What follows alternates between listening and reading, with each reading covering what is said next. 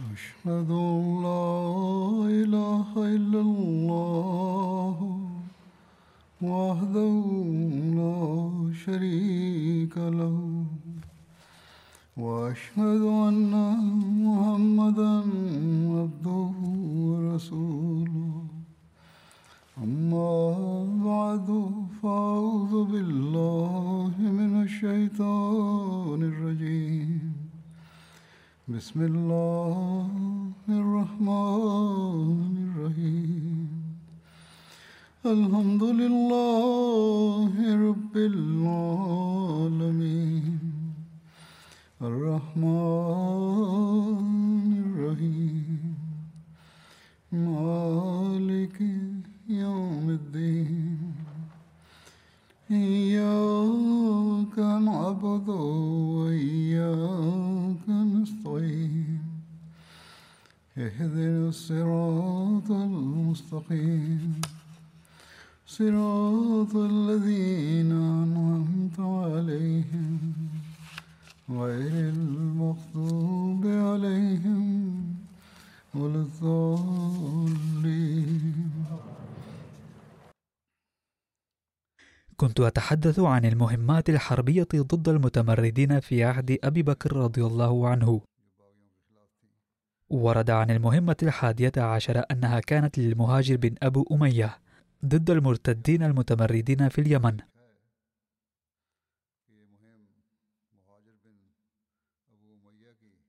عقد أبو بكر رضي الله عنه لواء للمهاجر بن أبي أمية وأمره بجنود العنسي ومعونة الأبناء على قيس بن المكشوح ومن أعانه من أهل اليمن عليهم ثم يمضي إلى كندة بحضرموت.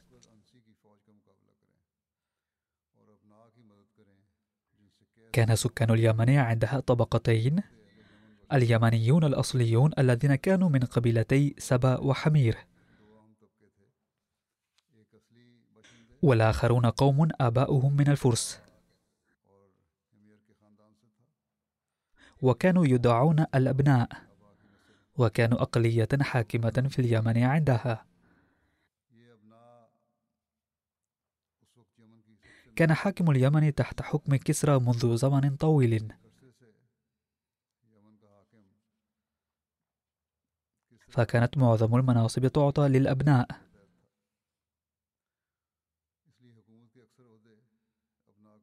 فقال أبو بكر رضي الله عنه للمهاجر ثم يمضي إلى كندة بحضرموت.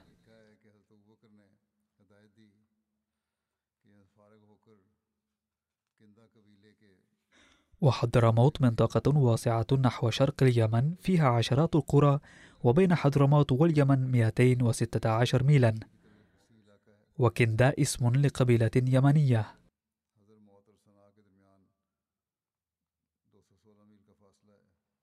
وأما المهاجر فاسمه المهاجر بن أبي أمية بن المغيرة بن عبد الله.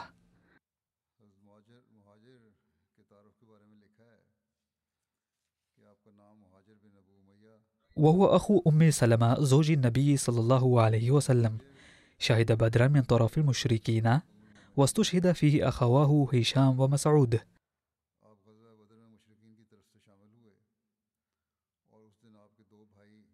كان اسمه الوليد فسماه رسول الله صلى الله عليه وسلم المهاجر.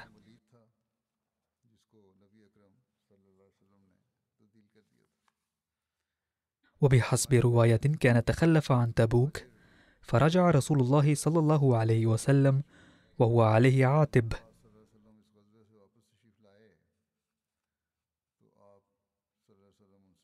فبين أم سلمة تغسل رأس رسول الله صلى الله عليه وسلم. قالت كيف ينفعني شيء وأنت عاتب على أخي؟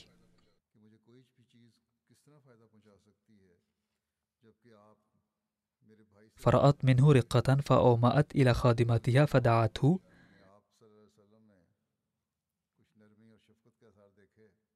فلم يزل برسول الله صلى الله عليه وسلم ينشر عذره. حتى عذره ورضي عنه. وأمره على كنده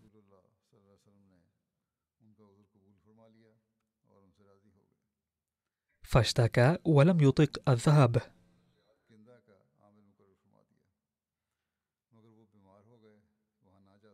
فكتب إلى زياد ليقوم له على عمله.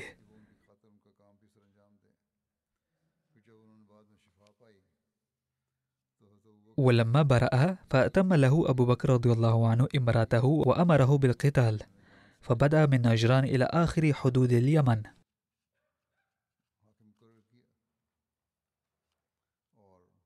قال ضحاك بن فيروز بدأت الردة أولا في اليمن في عهد رسول الله صلى الله عليه وسلم على يد الأسود العنسي ذو الخمار عبهلة بن كعب.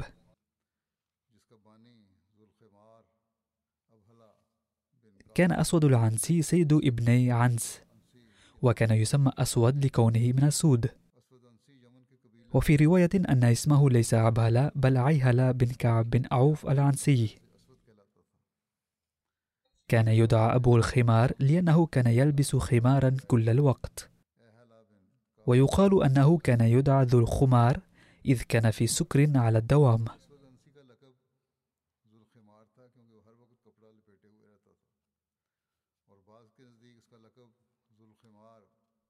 وفي بعض الروايات أنه كان سمي ذو الحمار إذ كان عنده حمارا مدرب. إذا قال له أسجد سجد له وإذا أمره بالجلوس جلس وإذا أمره بالوقوف وقف.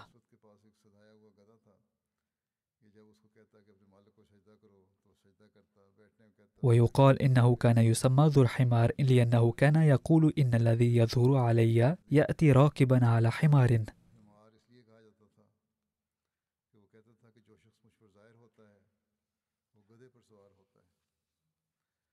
ورد أنه سمى نفسه رحمن اليمن. كما سمى مسيلمة نفسه رحمن اليمامة.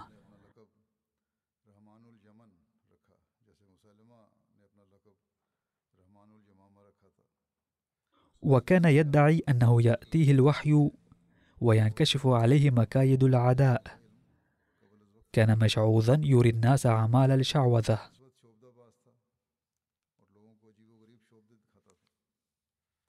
وفي رواية صحيح البخاري أن النبي صلى الله عليه وسلم كان أخبر سلفا عن ظهور متنبئين كذابين.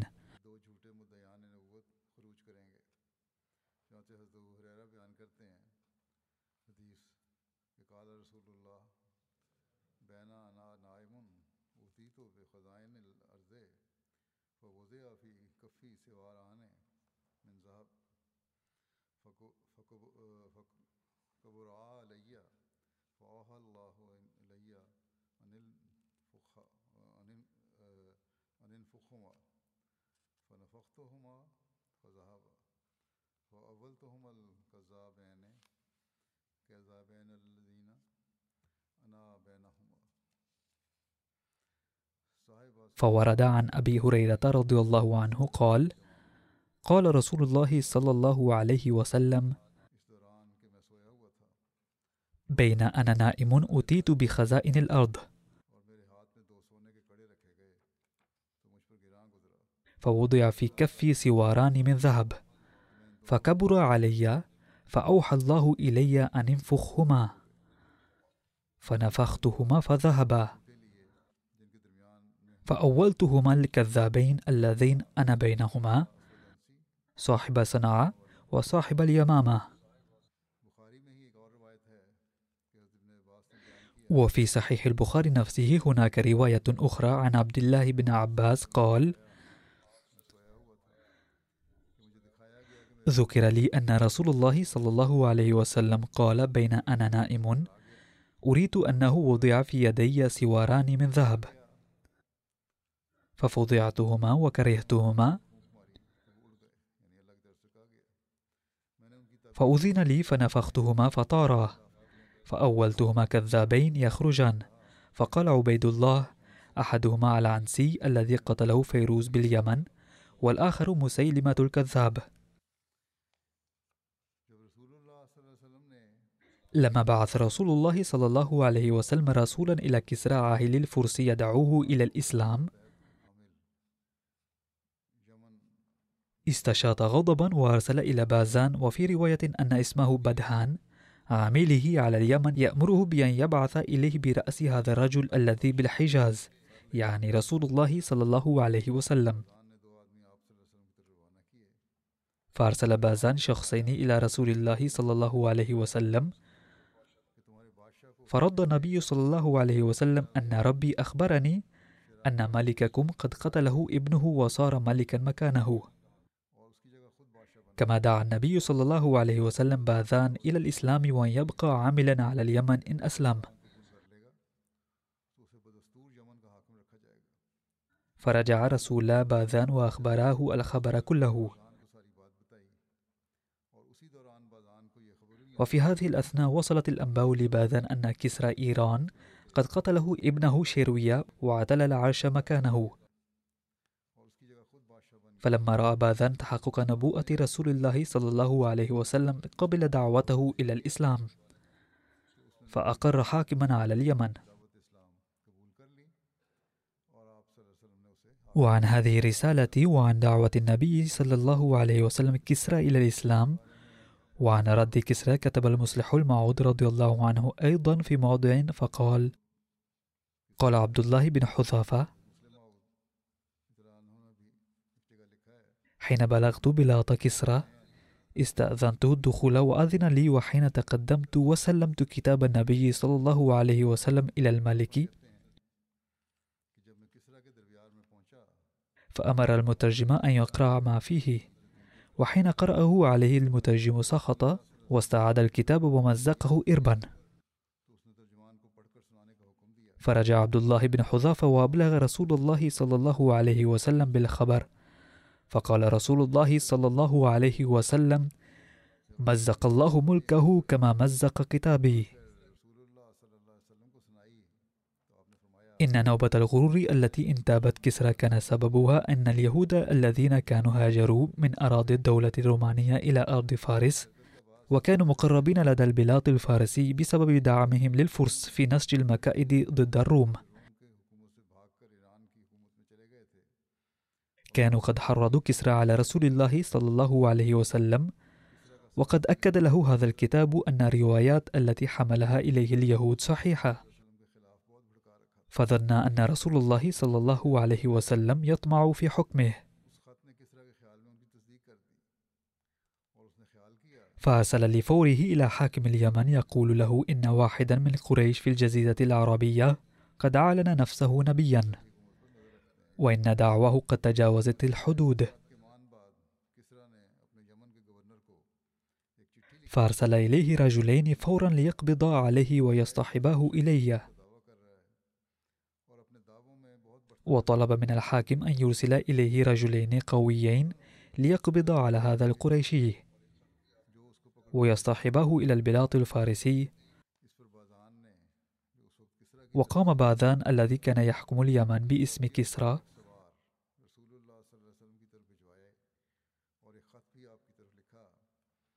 فأرسل باذان أحد قادة جيشه في صحبة راكب إلى الرسول صلى الله عليه وسلم. وأرسل معه خطابا يقول فيه للرسول صلى الله عليه وسلم إنه يجب عليه حالما يستلم الخطاب أن يرافق الرسولين لفوره لحضور البلاد الفارسي قصد القائد المذكور مكة أولا ولكنه علم عند طائف أن رسول صلى الله عليه وسلم يعيش في المدينة. وعند وصوله إليها أخبر القائد الوفد رسول الله صلى الله عليه وسلم أن باذن حاكم اليمن قد تلقى أمرا من كسرى أن يعد العدة لقبض عليك وإحضارك إلى أرض فارس وأنك لو رفضت ذلك لأهلكك وأهلك قومك وستتحول ديارهم إلى خراب. وأصر الوفد اليمني دون أي شفقة أن يطيعهم الرسول صلى الله عليه وسلم ليقودوه إلى أرض فارس. واستمع الرسول صلى الله عليه وسلم كلامه وقال حسنا عليك أن تلقاني في الغد. وخلال الليل دعا الله تعالى فأخبره الله تعالى أنه قد سلط على كسرى ابنه عقوبة على إساءة ارتكبها. وأنه سيقتل هذا الابن أباه في يوم الاثنين العاشر جمادي الأولى من ذلك العام. وجاء في بعض الروايات قوله صلى الله عليه وسلم لقد قتل الابن الأب في الليلة نفسها. ويحتمل أن تلك الليلة كانت ليلة العاشرة جمادي الأولى. وفي الصباح أرسل الرسول صلى الله عليه وسلم إلى الوفد اليمني وأبلغهما بما أوحي إليه ليلا. ثم زودهم بكتاب إلى باذان قال فيه إن كسرى سيقتل في يوم كذا من شهر كذا. وعندما تلقى حاكم اليمن الرسالة قال لو كان هذا الرجل نبيا حقا فسيكون ما قال. وإن لم يكن فليساعده الرب هو وبلده كله. ولم يمضي إلا زمن قليل حتى رست سفينة على شاطئ اليمن تحمل رسالة إلى حاكم اليمن من ملك الفرس. فرأى الحاكم عليها خاتما وقال عفويا لقد صدق النبي العربي وقد تغيرت الحكومة في إيران. فتح باذان الكتاب وإذ ورد فيه ما يلي من كسرى شيرويا إلى باذان حاكم اليمن. لقد قتلت أبي لأن حكمه أصبح فاسدا وظالما. وعامل الرعية بوحشية. وعليه حالما يتلقى الرسالة أن يجمع قادته وأن يطلب إليهم توكيد ولائهم ليه. وأما بالنسبة ما أمر به أبي من القبض على النبي العربي فلتعتب هذه الأوامر ملغاة.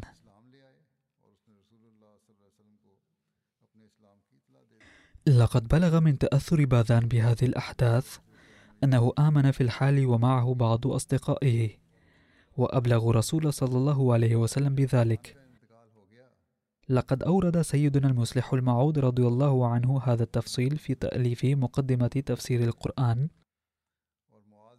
بعد وفاة باذان عين رسول صلى الله عليه وسلم أمراءه على مناطق اليمن المختلفة. وكان معاذ بن جبل معلما لكل هذه المناطق من اليمن وحضرموت لذلك كان يزور كل هذه المناطق. وأسود كان كاهنا يعيش في جنوب اليمن وسرعان ما جذب انتباه الناس بسبب شعوذته وسحره ومنطقه وخطابه المسجع وادعى أيضا أنه نبي وكان يقول للناس إن ملاكا يأتيه ويكشف له مخططات الأعداء وأسرارهم. فاجتمع حوله عدد كبير من البسطاء والجهلاء. في الواقع إدعى أسود العنسي أن اليمن لليمنيين فقط فتأثر أهل اليمن بشعاره هذا كثيرا. هذا الإدعاء أو الشعار قديم جدا ويستخدم اليوم أيضا وهو السبب الحقيقي وراء الاضطراب السائد في العالم المعاصر. ولما لم يكن الإسلام قد ترسخ فيهم بعد فاستجابوا لشعاره وللتحرر من الهيمنة الأجنبية ولبوا دعوة الأسود والتحقوا به. ولما وصلت هذه الأخبار المثيرة للقلق إلى المدينة المنورة كان النبي صلى الله عليه وسلم يعد جيش حضرة أسامة بن زيد للانتقام لشهداء معركة مؤتة ولمنع الهجمات من الشمال. فبعث برسالة إلى القادة اليمنيين بأن يواصلوا قتال الأسود من تلقاء أنفسهم. وبمجرد عودة جيش أسامة منتصرا سيتم إرساله إلى اليمن. كان في جيش الأسود العنسي 700 من الخيالة بالإضافة إلى المقاتلين على الإبل ثم قاوي أمره باستمرار. وكان عمرو بن معد كرب نائبه في بني مذحج. عمرو بن معد كرب من مشاهير فرسان العرب وشعرائهم وخطبائهم وكان يكنى أبا ثور. قدم في العام العاشر من الهجرة مع وفد بني زبيد على رسول الله صلى الله عليه وسلم وأسلم. فلما توفي رسول الله صلى الله عليه وسلم ارتد ولكنه عاد إلى الإسلام ثانية وأبلى بلاء حسنا في معركة القادسية. وتوفي في أواخر خلافة عمر رضي الله عنه.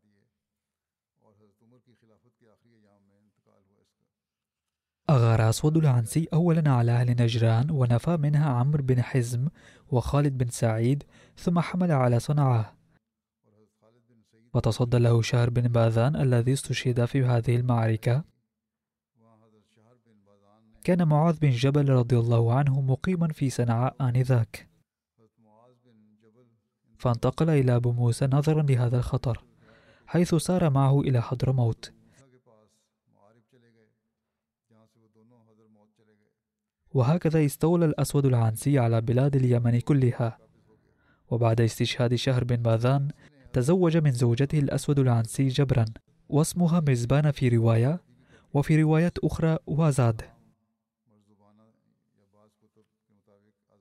وفي هذه الأثناء وصلت رسالة رسول الله صلى الله عليه وسلم إلى المسلمين باليمن يأمرهم بقتال أسود العنسي فقال معاذ بن جبل رضي الله عنه بهذا الهدف فارتفعت معنويات المسلمين. قال جشنس الدلمي ويذكر له اسم آخر وهو جوشيش الدلمي.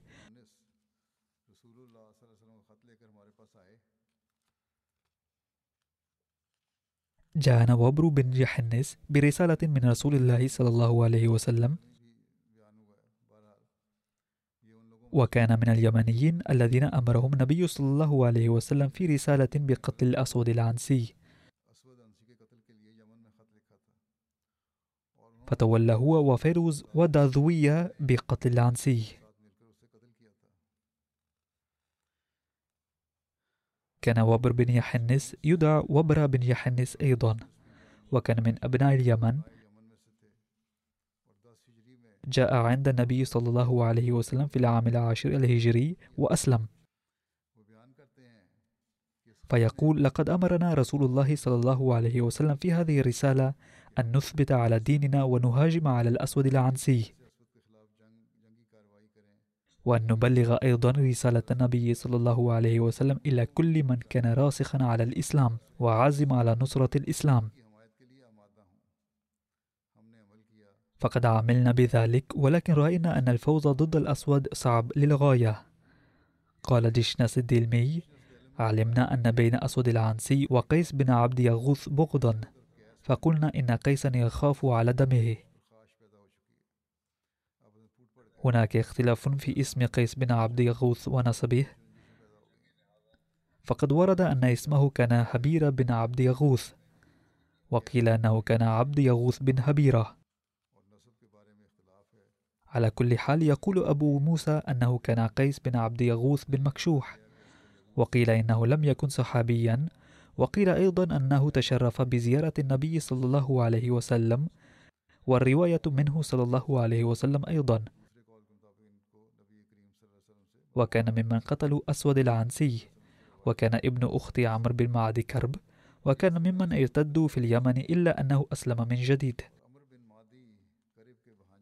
واسمه بارز في رجال فتح العراق ومعركة القادسية.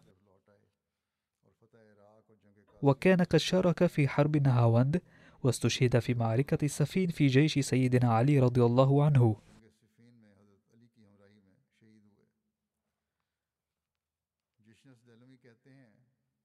قال جشنس الدلمي دعونا قيس إلى الإسلام وأبلغناه رسالة النبي صلى الله عليه وسلم فأحس كأنما نزلنا عليه من السماء. فأجابنا فورا فتراسلنا مع الآخرين وكان زعماء شتى القبائل قد استعدوا لقتال أسود فوعدونا عبر الرسائل بالنصرة. فأمرناهم أن لا يتحركوا من أماكنهم حتى نبرم أمرنا. إذ كان ضروريا لفعل ذلك ضد أسود بحسب أوامر رسول الله صلى الله عليه وسلم. هكذا كتب النبي صلى الله عليه وسلم إلى أهل نجران كلهم بشأن أسود فأجابوه. فلما بلغ ذلك أسود أحس بالهلاك.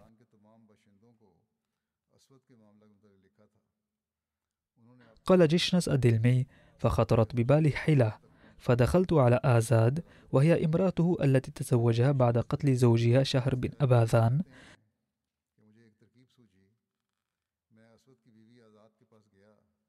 فذكرتها بقتل زوجها شهر بن باذان وإهلاك عشيرتها وما لاقيته من هوان على يد أسود.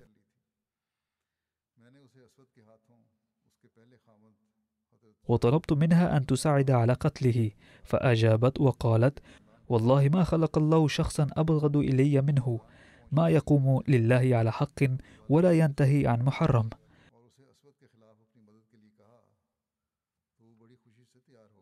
فعلموني أمركم أخبركم بوجه الأمر. وهكذا وتحت خطة محكمة النسج وبمساعدة من زوجه هذه قتل أسود العنسي في قصره تحت ستر الليل. فلما أصبحوا صاحوا بشعرهم من أعلى جدار الحصن أن أسود الباغي الطاغي قد لقي مصيره. فاجتمع المسلمون والكفار حول الحصن ثم أذن المؤذن لصلاة الفجر ثم قال أشهد أن محمدا رسول الله وأن أسود كذاب ثم ألقوا رأسه أمام الناس.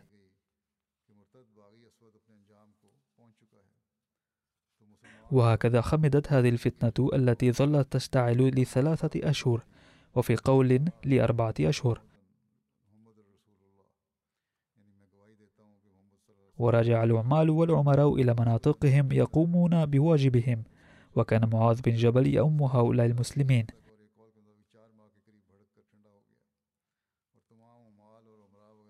فلما جاء البشير بقتل أسود العنسي وهزيمة جيشه وانتهاء فتنته كان النبي صلى الله عليه وسلم قد لحق بالرفيق لعلاه وفي رواية أن النبي صلى الله عليه وسلم أخبره الله تعالى بقتل الأسود الأنسي في الليلة التي قتل فيها. وفي اليوم التالي أخبر الصحابة بذلك وقال إن فيروز قام بقتله. وكان خبر قتل أسود العنسي أول بشارة تلقاها سيدنا أبو بكر رضي الله عنه بعد توليه منصب الخلافة. فالمساء الذي وصله خبر قتل الأسود إلى النبي صلى الله عليه وسلم قد توفي صباح اليوم التالي منه. وفي رواية أن الذي بشر بقتل أسود العنسي وصل المدينة وقت دفن النبي صلى الله عليه وسلم. وفي رواية أن خبر قتله وصل إلى المدينة بعد وفاة النبي صلى الله عليه وسلم بإثني عشر يوما بعد انتخاب سيدنا أبي بكر خليفة. فهناك روايات متباينة عن ذلك والمؤكد أنه قتل في تلك الفترة. وبعد مقتل أسود عاد حكم المسلمين على صنعاء كأول عهده.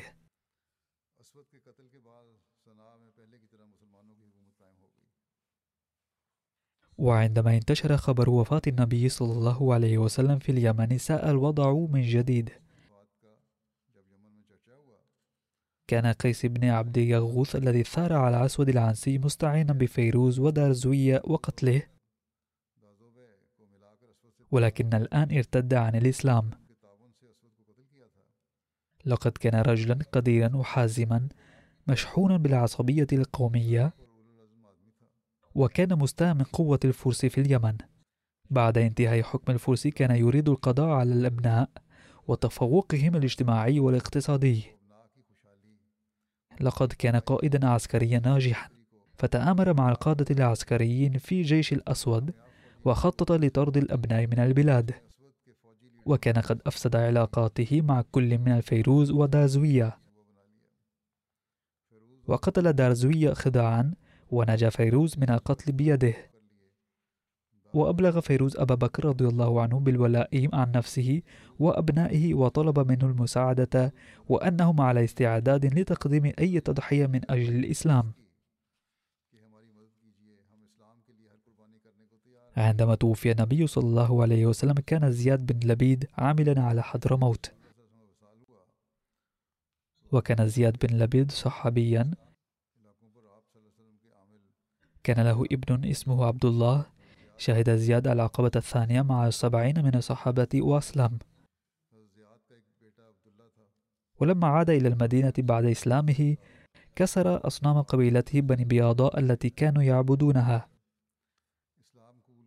ثم هاجر زياد إلى رسول الله صلى الله عليه وسلم بمكة فأقام معه حتى هاجر رسول الله صلى الله عليه وسلم إلى المدينة فهاجر معه. فكان يقال زياد مهاجري أنصاري. وشهد زياد بدرا وأحدا والخندق والمشاهد كلها مع رسول الله صلى الله عليه وسلم. عندما جاء النبي صلى الله عليه وسلم المدينة مهاجرا ومر بحي بني بياضة رحب به زياد وقال يا رسول الله هلم إلينا وقدم له بيته للسكن. فقال صلى الله عليه وسلم خلوا سبيل ناقتي فإنها مأمورة وستجد منزلها بنفسها. وفي شهر محرم في العام التاسع من الهجرة عين رسول الله صلى الله عليه وسلم محصلين لكل منطقة لجمع أموال الزكاة والصدقات وعين زيادا في حضرموت فظل يؤدي هذه الخدمة إلى عهد خلافة عمر رضي الله عنه. وبعد تركه هذا المنصب أقام في الكوفة وتوفي هناك في العام الحادي والأربعين من الهجرة. ثم ورد عن ذهاب سيدنا المهاجر إلى نجران إن آخر الجيوش الأحد عشر التي سيرها أبو بكر رضي الله عنه من المدينة كان جيش المهاجر بن أبي أمية إلى اليمن. وكان معه كتيبة من المهاجرين والأنصار فلما مر جيشه بمكة انضم إليه أمير مكة خالد بن أسيد أخو عتاب بن أسيد. ولما مر هذا الجيش بالطائف لاحق به عبد الرحمن بن أبي العاص ومن معه. وهكذا لم تزل القبائل المختلفة تنضم إليه في الطريق حتى صار جيشا عظيما.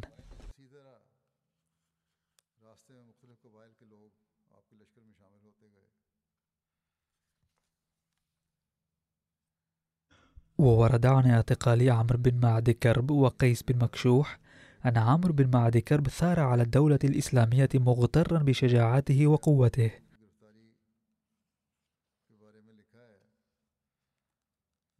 وانضم إليه قيس بن عبد بيغوث فجعل لا يمران بقبيلة إلا ويحرضانها على المسلمين والثورة عليهم.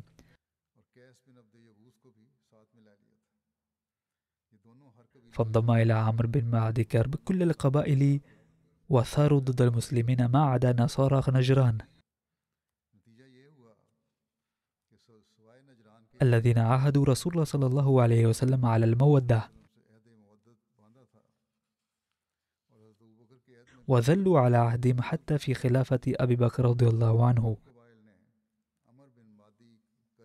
ومن عجائب قدرة الله أن أهل اليمن لما بلغوا مسير المهاجر رضي الله عنه إليهم بجيش عظيم هابوه وظنوا أن لا قبل لهم به. وبينهم في ذلك إذ حصل شقاق بين زعيميهم عمرو بن معد كرب وقيس. ومع ذلك قرروا مواجهة جيش المهاجر رضي الله عنه. بينما ظل عمرو بن معد كرب وقيس ساعين لإلحاق الضرر بعضهما البعض. وأخيرا قرر عمرو بن معد كرب اللحاق بالمسلمين.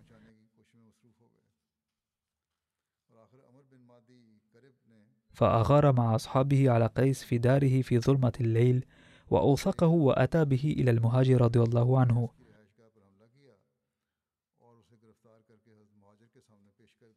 ولكن المهاجر لم يكتفي باعتقال قيس فقط بل أوثق معه عمر بن معد كرب أيضا وكتب عنهما إلى سيدنا أبي بكر رضي الله عنه وبعث بهما إليه.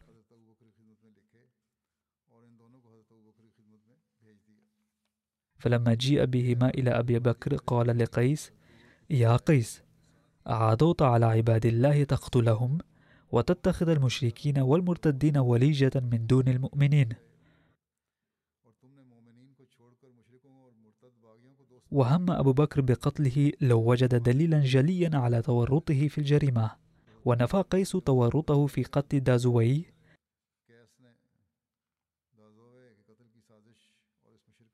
وكان دازوي قتل سرا فلم يجد أبو بكر ضد قيس بينة فعرض عن قتله وعفى عنه.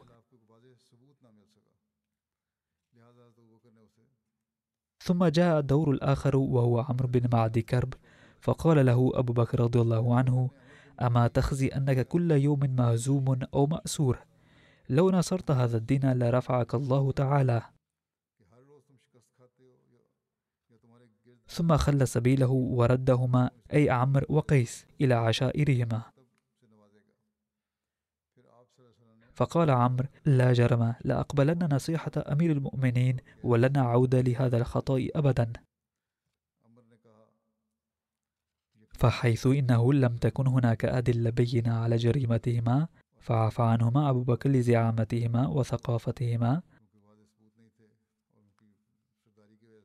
فكتب أحد كتاب سيرة أبي بكر رضي الله عنه معلقا على عفوه عنهما.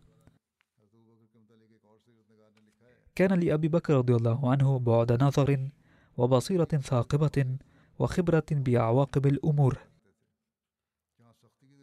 فكان يستعمل الشدة في محلها والعفو في محله أيضا. كان حريصا على جمع شتات القبائل تحت راية الإسلام. فكان من سياسته الحكيمة عفوه عن زعماء القبائل المعادية بعد رجوعهم إلى الحق. فإنه لما أخضع قبائل اليمن المرتدة فأراهم سطوة الدولة الإسلامية وغلبتها وقوة المسلمين وعزيمتهم وانتصارهم ومضاء عزيمتهم. واعترفت القبائل بخضوعها للدولة الإسلامية طايعة لخليفة رسول الله. رأى أبو بكر أن الأفضل تأليف قلوب زعماء هذه القبائل ومعاملتهم بالرفق والسماحة بدلا من استعمال القوة. فرفع عنهم العقوبات وقال لهم قولا لينا ووظف نفوذهم في قبائلهم لصالح الإسلام والمسلمين. زلاتهم وأحسن إليهم. فقد فعل ذلك مع قيس بن عبد يغوث وعمر بن معد كرب كان من صناديد العرب وحكمائهم. فعز على أبي بكر أن يخسرهم بل سعى لكي يستخلصهم للإسلام. ويستنقذهم من التردد بين الإسلام والردة. فأطلق سراح عمرو بن معد كرب فلم يرتد هذا بعد ذلك اليوم بل أسلم وعاش كمسلم صالح. فعانه الله تعالى وأما قيس فأيضا ندم على ما فعل فعفى عنه أبو بكر رضي الله عنه فكان لعفوه عن هذين البطلين من أبطال العرب آثاره العميقة وطويلة المدى. عمل أبو بكر رضي الله عنه على تأليف قلوب هؤلاء القوم الذين عادوا إلى الإسلام بعد الردة خوفا أو طمعا.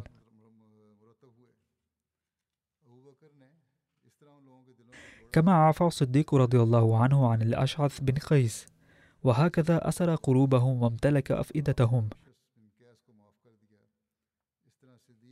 فكانوا نصرا للإسلام وقوة للمسلمين في المستقبل. أي لم يكن هناك جبر ولا إكراه بل أسلموا من صميم قلوبهم وأطاعوا سيدنا أبا بكر رضي الله عنه. سار المهاجر رضي الله عنه من نجران إلى اللحجية. فلما حاصرت خيوله أهل اللحجية استأمنوا فأبى أن يؤمنهم فافترقوا فرقتين. فلقي المهاجر إحداهما بعجيب وعجيب مكان في اليمن فأتى عليهم. ولقيته خيوله التي عليها عبد الله الفرقة الأخرى بطريق الأخابث. فأتوا عليهم وقتلوا الفارين منهم بكل سبيل. عندما ثارت بنو عك في منطقة الأعلاب باليمن سمي هؤلاء الأخابث ثم سمي الطريق الذي وقع عليه القتال ضدهم طريق الأخابث. وورد عن ورود المهاجر رضي الله عنه إلى صنعاء أنه سار من عجيب حتى نزل صنعاء. فأمر بمطاردة شذاذ القبائل الهاربة فقتل المسلمون من قدروا عليه منهم كل قتلة. ولم يعفوا عن متمرد غير أنهم قبلوا توبة من تاب منهم. أي أن الظالمين الذين حاربوا فلم يعفوا عنهم المسلمون وأما من سواهم فعملوهم برفق. لما رأوا من آثارهم السابقة راجين منهم الإصلاح والخير. والبيان التالي فيه شيء من التفصيل لذا أتوقف هنا وسأتناول الباقي فيما بعد إن شاء الله تعالى.